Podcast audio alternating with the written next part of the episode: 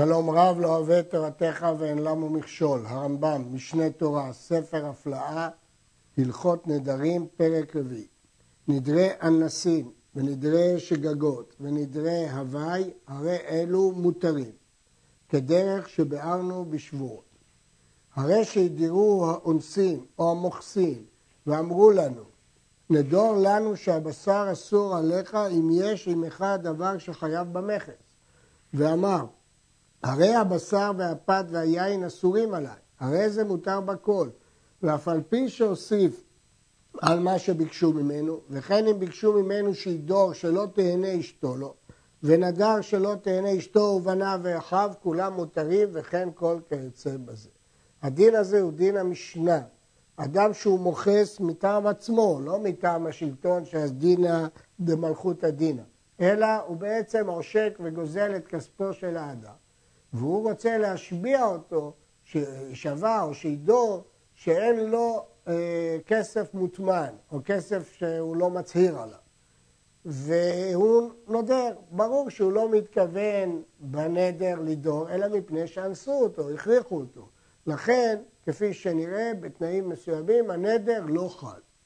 הדין הזה של המשנה, בית הלל אומרים שלא רק אם הוא נדע את מה שביקשו ממנו, אפילו אם הוא הוסיף עוד דברים, כמו אמרו לו תדור בשר עליך, והוא נדר גם בשר וגם פת, הכל מותר, כי כל הנדר הזה נעשה לא ברצונו. בדין המשנה יש עוד מחלוקת בין בית שמאי ובית הלל, האם הוא יכול לפתוח מרצונו להציע להם שהוא ידור. בית שמאי אומרים לא, ובית הלל אומרים כן. הרמב"ם השמיט את זה, והמפרשים כאן התפלאו מדוע השמיט הרמב"ם את החידוש הזה של בית הלל. ובכל הנדרים האלו, כלומר נדרי אונסין, צריך שיתכוון בליבו לדבר המותר. בין אם זה נדרי אונס או שגגות או הווי, צריך שיתכוון בליבו לדבר המותר. כגון, שישים בליבו שיהיו אסורים עליו אותו היום בלבד, או אותה שעה, וכיוצא בזה. כשהוא מוכרח לנדור בשר, אם הוא הטמין כסף, יחשוב בליבו שהוא מתכוון רק שעה אחת הוא נודר, כדי שאחר כך יכול לבטל את הנדר. וסומך על דברים שבליבו. בדרך כלל דברים שבלב אינם דברים, אבל פה הוא יכול לסמוך על דברים שבליבו. הואיל ואנוס, ואינו יכול להוציא משפתיו. אילו היה יכול, היה אומר את זה בשפתיים. הוא אנוס בכל הנדר הזה. לכן סומכים על ליבו. נמצא בשעה שידור להם, אין פיו וליבו שווים, כמו שבאנו בשבועות. למדנו שחייב להיות שפיו וליבו שווים, ופה ליבו זה על משהו אחר לגמרי, ולכן הנדר לא חל. המביט בתשובותיו דן באריכות, הרב מיטרני, האם הדין הזה מעכב, כלומר מה הדין אם הוא לא התכוון לשעה או ליום, אלא סתם הוא בכלל לא רצה לדור, הוא נדר באונס. האם אז לפי הרמב"ם הנדר כן יחול, או שרק לכתחילה אנחנו אומרים לו לנקוט בשיטה הזאת. וכן נדרי זירוזין מותרים. כיצד? כגון שהדיר חברו שיאכל אצלו, ונדר זה שלא יאכל מפני שאינו רוצה להטריח עליו. בין אכל, בין לא אכל, שניהם פטורים. מדוע? כי הוא לא התכוון באמת אה, לדור, הוא רק התכוון להתחמק ממנו, לזרז את עצמו להתחמק ממנו. לכן שניהם פטורים. וכן המודה, המוכר שנדר שלא ימכור חפץ זה אלא בסלע. והלוקח נדר שלא ייקחנו אלא בשקל. ורצו בשלושה דינרים, בסוף התפשרו, שניהם פטורים וכן כל כיוצא בזה, כי זה דרך המסחר, שאחד מוסיף ואחד פוחד והם רוצים ללחוץ אחד על השני ולכן הם נודרים, אבל זה, לא התכוונו באמת לנדר, לפי שכל אחד מהם לא גמר בליבו ולא נדר, אלא כדי לזרז את חברו, ולא גמר בליבו.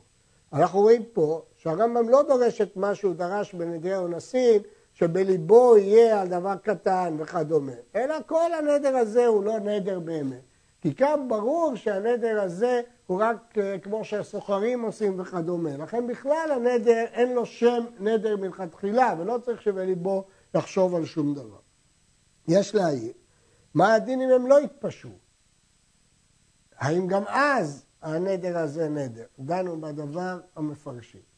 שאלה נוספת היא, האם זה דווקא בפער מחירים כזה בין שקל לסלע שהגיוני שקונה ומוכר מתמקחים. אבל אם זה פער גדול שלא הגיוני שזה קשור למיקוח, האם כאן זה כן נדר? בכל השאלות הללו דנו מפרשי הרמב"ם.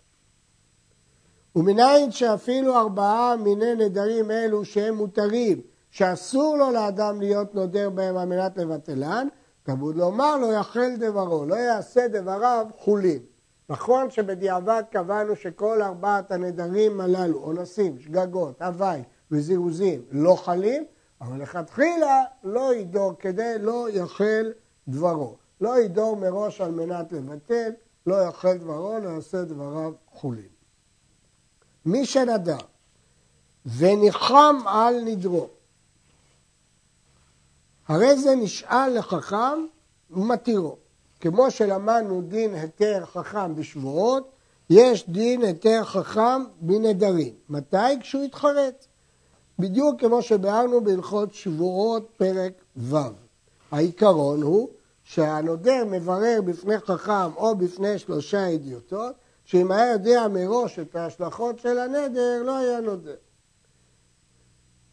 אין מתיר אלא חכם מובהק, או שלושה ידיעותות במקום שאין חכם. ובלשון שמתירים השבועה, מתירים הנדר. וכן שאר העניינות שפירשנו בשבועות, כולם בנדרים כדרך שהם בשבועות.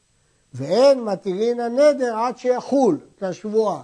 כלומר, אם הנדר עתיד לחול רק בעוד חודש, אי אפשר להתיר אותו לפני שהוא חל. למדנו את זה בהלכות שבועות. וכשם שנשאלים על נדרי האיסר ומתירים אותו, כשאדם אסר על עצמו פירות או יין וכדומה, כך נשאלים על נדרי הקדש ומתירים אותו. אם הקדיש בהמה לקורבן, הוא יכול להישאל עליה. בין נדרי קודשי בדק הבית, בין קודשי מזבח, תמיד הוא יכול להישאל עליהם. מדוע? הדבר הזה מחלוקת בתנאים, בברייתא, בגמרא בערכין, האם אפשר להישאל על נדרי הקדש או לא, והגמרא תולה את זה בשאלה אם הקדש טעות הקדש או לא. ההלכה היא שהקדש טעות לא הקדש, הוא לא חל, ולכן אפשר להישאל, כמו אותו עיקרון שאפשר להישאל על שבועות ועל נדרים. אבל כאן יש יוצא מן הכלל, ואין נשאלים על התמורה. אם אדם הקדיש בהמה והמיר אותה, טוב ברע או רע וטוב, ההלכה היא והיה הוא ותמורתו יהיה קודש. על התמורה הזאת הוא לא יכול להישאל. מה מקורו של הרמב"ם הזה? אה, הרמב"ם בספר קורבנות כותב שגם כשאדם ממיר בטעות התמורה חלה. לכן, כמו שהתבהר, אי אפשר להישאל עליה. המפרשים חיפשו מקור לדברי הרמב"ם, ואכן הכסף משנה מביא מקור מתוספתא, שכך כתוב, וההיגיון ברור כפי שביארנו. וכשם שהאב או הבעל מפר נדרי עיסה, כך מפר נדרי הקדשות הדומים לנדרי עיסה. כמו שנלמד לקמן בפרקים י"א עד י"ג, שאב ובעל יכולים להפר כשזה נוגע עליהם, אז גם נדרי הקדש שנוגעים לבעל הוא יכול להפר. מי שנדר ושמע חברו ואמר ואני, ושמע השלישי ואמר ואני, ונשאל הראשון על נדרו והותר, הותרו כולם. כי כולם הדפיסו בנדר הראשון, וכיוון שהראשון הותר, הכל הותר. נשאל האחרון והותר, האחרון מותר, וכולם אסורים, כי הם לא מודפסים בו, הוא מודפס בהם. נשאל השני והותר, השני ושלאחריו מותרים, והראשון אסור. וכן המדפיס דברים הרבה בנדר, כגון בשרשרת, שנדר על הפת והדפיס הבשר בפת, ונשאל על הפת והותר בה, הותר הבשר. נשאל על הבשר והותר בו, לא הותר הפת. כי אם נשאלת על המקור שהדפסת בו, אז אין כבר במה להדפיס, אז גם מה שהדפסת מתבטל. אבל אם נשאלת על הדבר השני, אין סיבה שהראשון יתבטל. הנשבע או הנודר שאיני נהנה לכולכם ונשאל על נדרו על שבועתו על אחד מהם והתירו, הותרו כולם. שהנדר שהותר מכללו, הותר כולו. כלומר, אם מראש הנדר נאמר בלשון כלל, כולכם, זאת יחידה אחת, אי אפשר לפרק אותה. ואם חלק ממנה הותר, הכל הותר. אמר שאיני נהנה לזה ולזה ולזה, כאן הוא לא כלל אותם בכלל אחד, הוא רק הוסיף אחד על השני. הותר הראשון, הותרו כולם. מדוע? מכיוון שהוא אמר לזה ולזה ולזה. אז אנחנו רואים כאילו הוא חיבר את כולם עם ו' החיבור, או כלשון האחרונים פה ו' העוטף, שחיבר את הפריט השני לפריט הראשון, ולכן דינו כדין מדפיס. מותר האחרון, אחרון מותר וכולם אסורים. שאיני נהנה לזה, לזה, לזה, צריכים פתח לכל אחד ואחד וכן כל כיוצא בזה. המפרשים הסבירו, וכך מפורש בפירוש המשנה לרמב"ם, שכאן, כיוון שהוא לא אמר את ו' העוטף, את ו' החיבור, כל אחד עומד בנפרד, ולכן צריכים פתח לכל אחד ואחד. ישנן גרסאות שגרסו פה גם עם ו' והתקשו מאוד מה ההבדל. הגרסה הנכונה היא בלי ו', וכך מפורש בפירוש המשנה. המקור של הדבר הזה, שנדר שבטל מקצתו, בטל כולו, נלמד בירושלמי מהפסוק ככל היוצא מפיו יעשה. כל, דהיינו כלל. אם חלק יתבטל, הכל יתבטל. זה מקור הדין הראשון, שכשהוא אמר כלל, הכל בטל. נדר בנזיר ובקורבן ובשבועה, או שנדר, ואין ידוע באיזה מהם נדר, האם בנזיר, האם בקורבן או בשבועה, פתח אחד לכולם.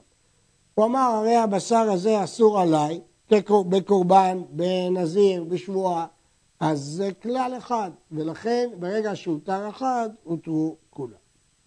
הנודר מאנשי העיר ונשאל לחכם שבעיר, או שנדר מישראל, והרי הוא נשאל לחכם בישראל, הרי נדרו מותר.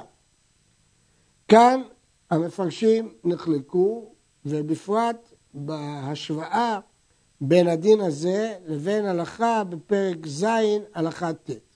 פרק ז', הלכה ט', הרמב"ם כותב, אסר על עצמו הניית בני העיר, אסור להישאל על נדרו לחכם מבני אותה העיר.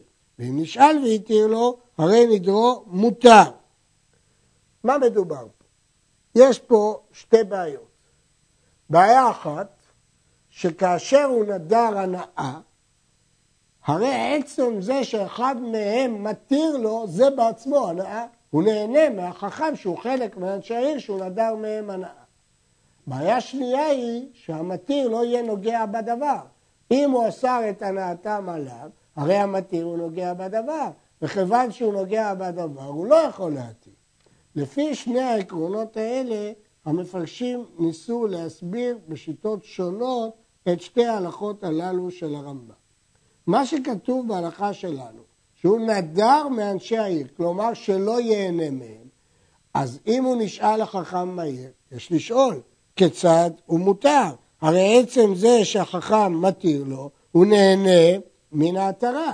מסביר הכסף משנה, לכן כתוב בדיעבד, לכתחילה הוא לא יישאל, אבל בדיעבד, אם הוא נשאל, הרי נדרו מותר, כי סוף סוף הוא התיר לו את הנדר, אסור לו ליהנות ממנו. אבל במציאות הוא התיר לו את הנדר. זהו הסברו של הכסף משנה, לרדווז יש הסבר אחר.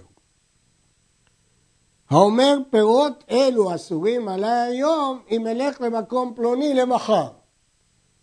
הוא נדר על פירות מסוימים בתנאי שמחר הוא יעשה פעולה מסוימת. הרי זה אסור לאכול אותם היום. גזירה, שמא ילך למחר לאותו מקום ואז הוא ייכשל בהפרת הנדר. ואם עבר ואכלם היום, והלך למחר, לוקה, כיוון שהתברר שהתנאי התקיים, ואז היום הוא עבר על הנדר. ואם לא הלך, אינו לוקה, כי התנאי לא התקיים והוא לא עבר על הנדר. ויש לשאול, איך יתרו בו? הרי זה התריית ספק, שמא יקיים את התנאי או שמא לא יקיים את התנאי. דעת הרמב"ם שלוקים על התריית ספק, ולכן הוא אומר פה שלוקים למרות שזאת התריית ספק, כי המתרה לא יודע אם הוא יקיים את התנאי או לא יקיים את התנאי. אמר, הרי הם אסורים עליי למחר אם אלך למקום פלוני, היום. הרי זה מותר ללך היום לאותו מקום, ויעשו עליו אותן הפירות למחר, וכן כל כיוצא בזה. מפני שאדם זהיר בדבר האסור שלא לעשותו, ואינו זהיר בתנאי שגורם לאסור דבר המותר. נסביר. אם הוא עשה את התנאי היום, ואז אם הוא יעשה היום יהיה אסור לו מחר, אי אפשר לאסור עליו לעשות את התנאי היום. מה החשש שלנו? שמחר הוא ייכשל בכל נדר אתה יכול לחשוב שמחר הוא ייכשל. התשובה היא שהוא ייזהר לא להיכשל. בהלכה הקודמת המקרה היה הפוך, שאנחנו אומרים, הוא אומר, אם הפירות האלה אסורים עליי היום, אם אני אלך מחר. פה אנחנו חוששים מאוד, מכיוון שהוא לא ייזהר לא ללכת מחר. כי זה לא חלק מהאיסור, זה חלק מהתנאי, ולכן אוסרים עליו לאכול את הפירות היום. כלומר, אם התנאי הוא היום והאיסור הוא מחר, אין לנו בעיה שהוא יקיים את התנאי היום. מחר הוא ייזהר לא לאכול את הפירות. אבל אם האיסור היום והתנאי מחר, לא ניתן לו לאכול היום את הפירות על סמך שהוא לא יקיים את התנאי. אולי הוא ישכח ויקיים את התנאי.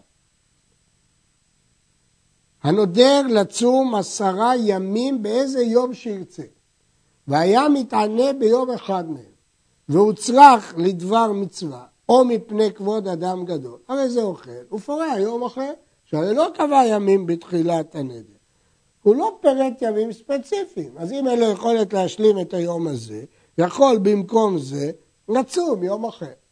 הגמרא אומרת, אמר רבי יהודה אמר רב, לווה אדם תעניתו ופורע. הרמב"ם מפרש את הגמרא הזאת במקרה הזה, שרק כשהוא לא נדר יום ספציפי, אלא סתם עשרה ימים, אז אם הוא התחיל לאכול יום אחד, כיוון שהוא לא נדר יום ספציפי, הוא יכול במקום זה יום אחר. הראשונים מקשים על הרמב"ם ואומרים שזה פשיט הדין של הרמב"ם. אם הוא לא נדר ימים מסוימים, מה אכפת לנו שהוא יאכל היום אם הוא התחיל לצום? מה רלוונטי שהוא התחיל לצום? הרי הוא נדר עשרה ימים והוא יצום עשרה ימים. ולכן הם מפרשים שהגמרא מדברת אפילו במקרה שהוא נדר על יום מסוים, הוא יכול ללוות ולפרוע ביום אחר. אבל לפי הרמב"ם לא כך, רק אם הוא לא נדר יום מסוים. נדר שיצום היום ושכח ואכל, משלים לצום. כי הוא נדר לא לאכול היום. מה שהוא עבר, עבר, אבל עדיין במשך היום אסור לו לאכול. נדר שיצום יום אחד או שניים וכשהתחיל לצום שכח ואכל, איבד תעניתו וחייב לצום יום אחר, כיוון שהוא אמר יום אחד, והיום הזה הוא לא צם, אז הוא חייב לצום יום אחר. אבל אם הוא אמר שלא אצום היום, אין לנו בעיה, מה שהוא אכל אכל, אבל מה שהוא לא אכל, אסור לאכול. עד כאן.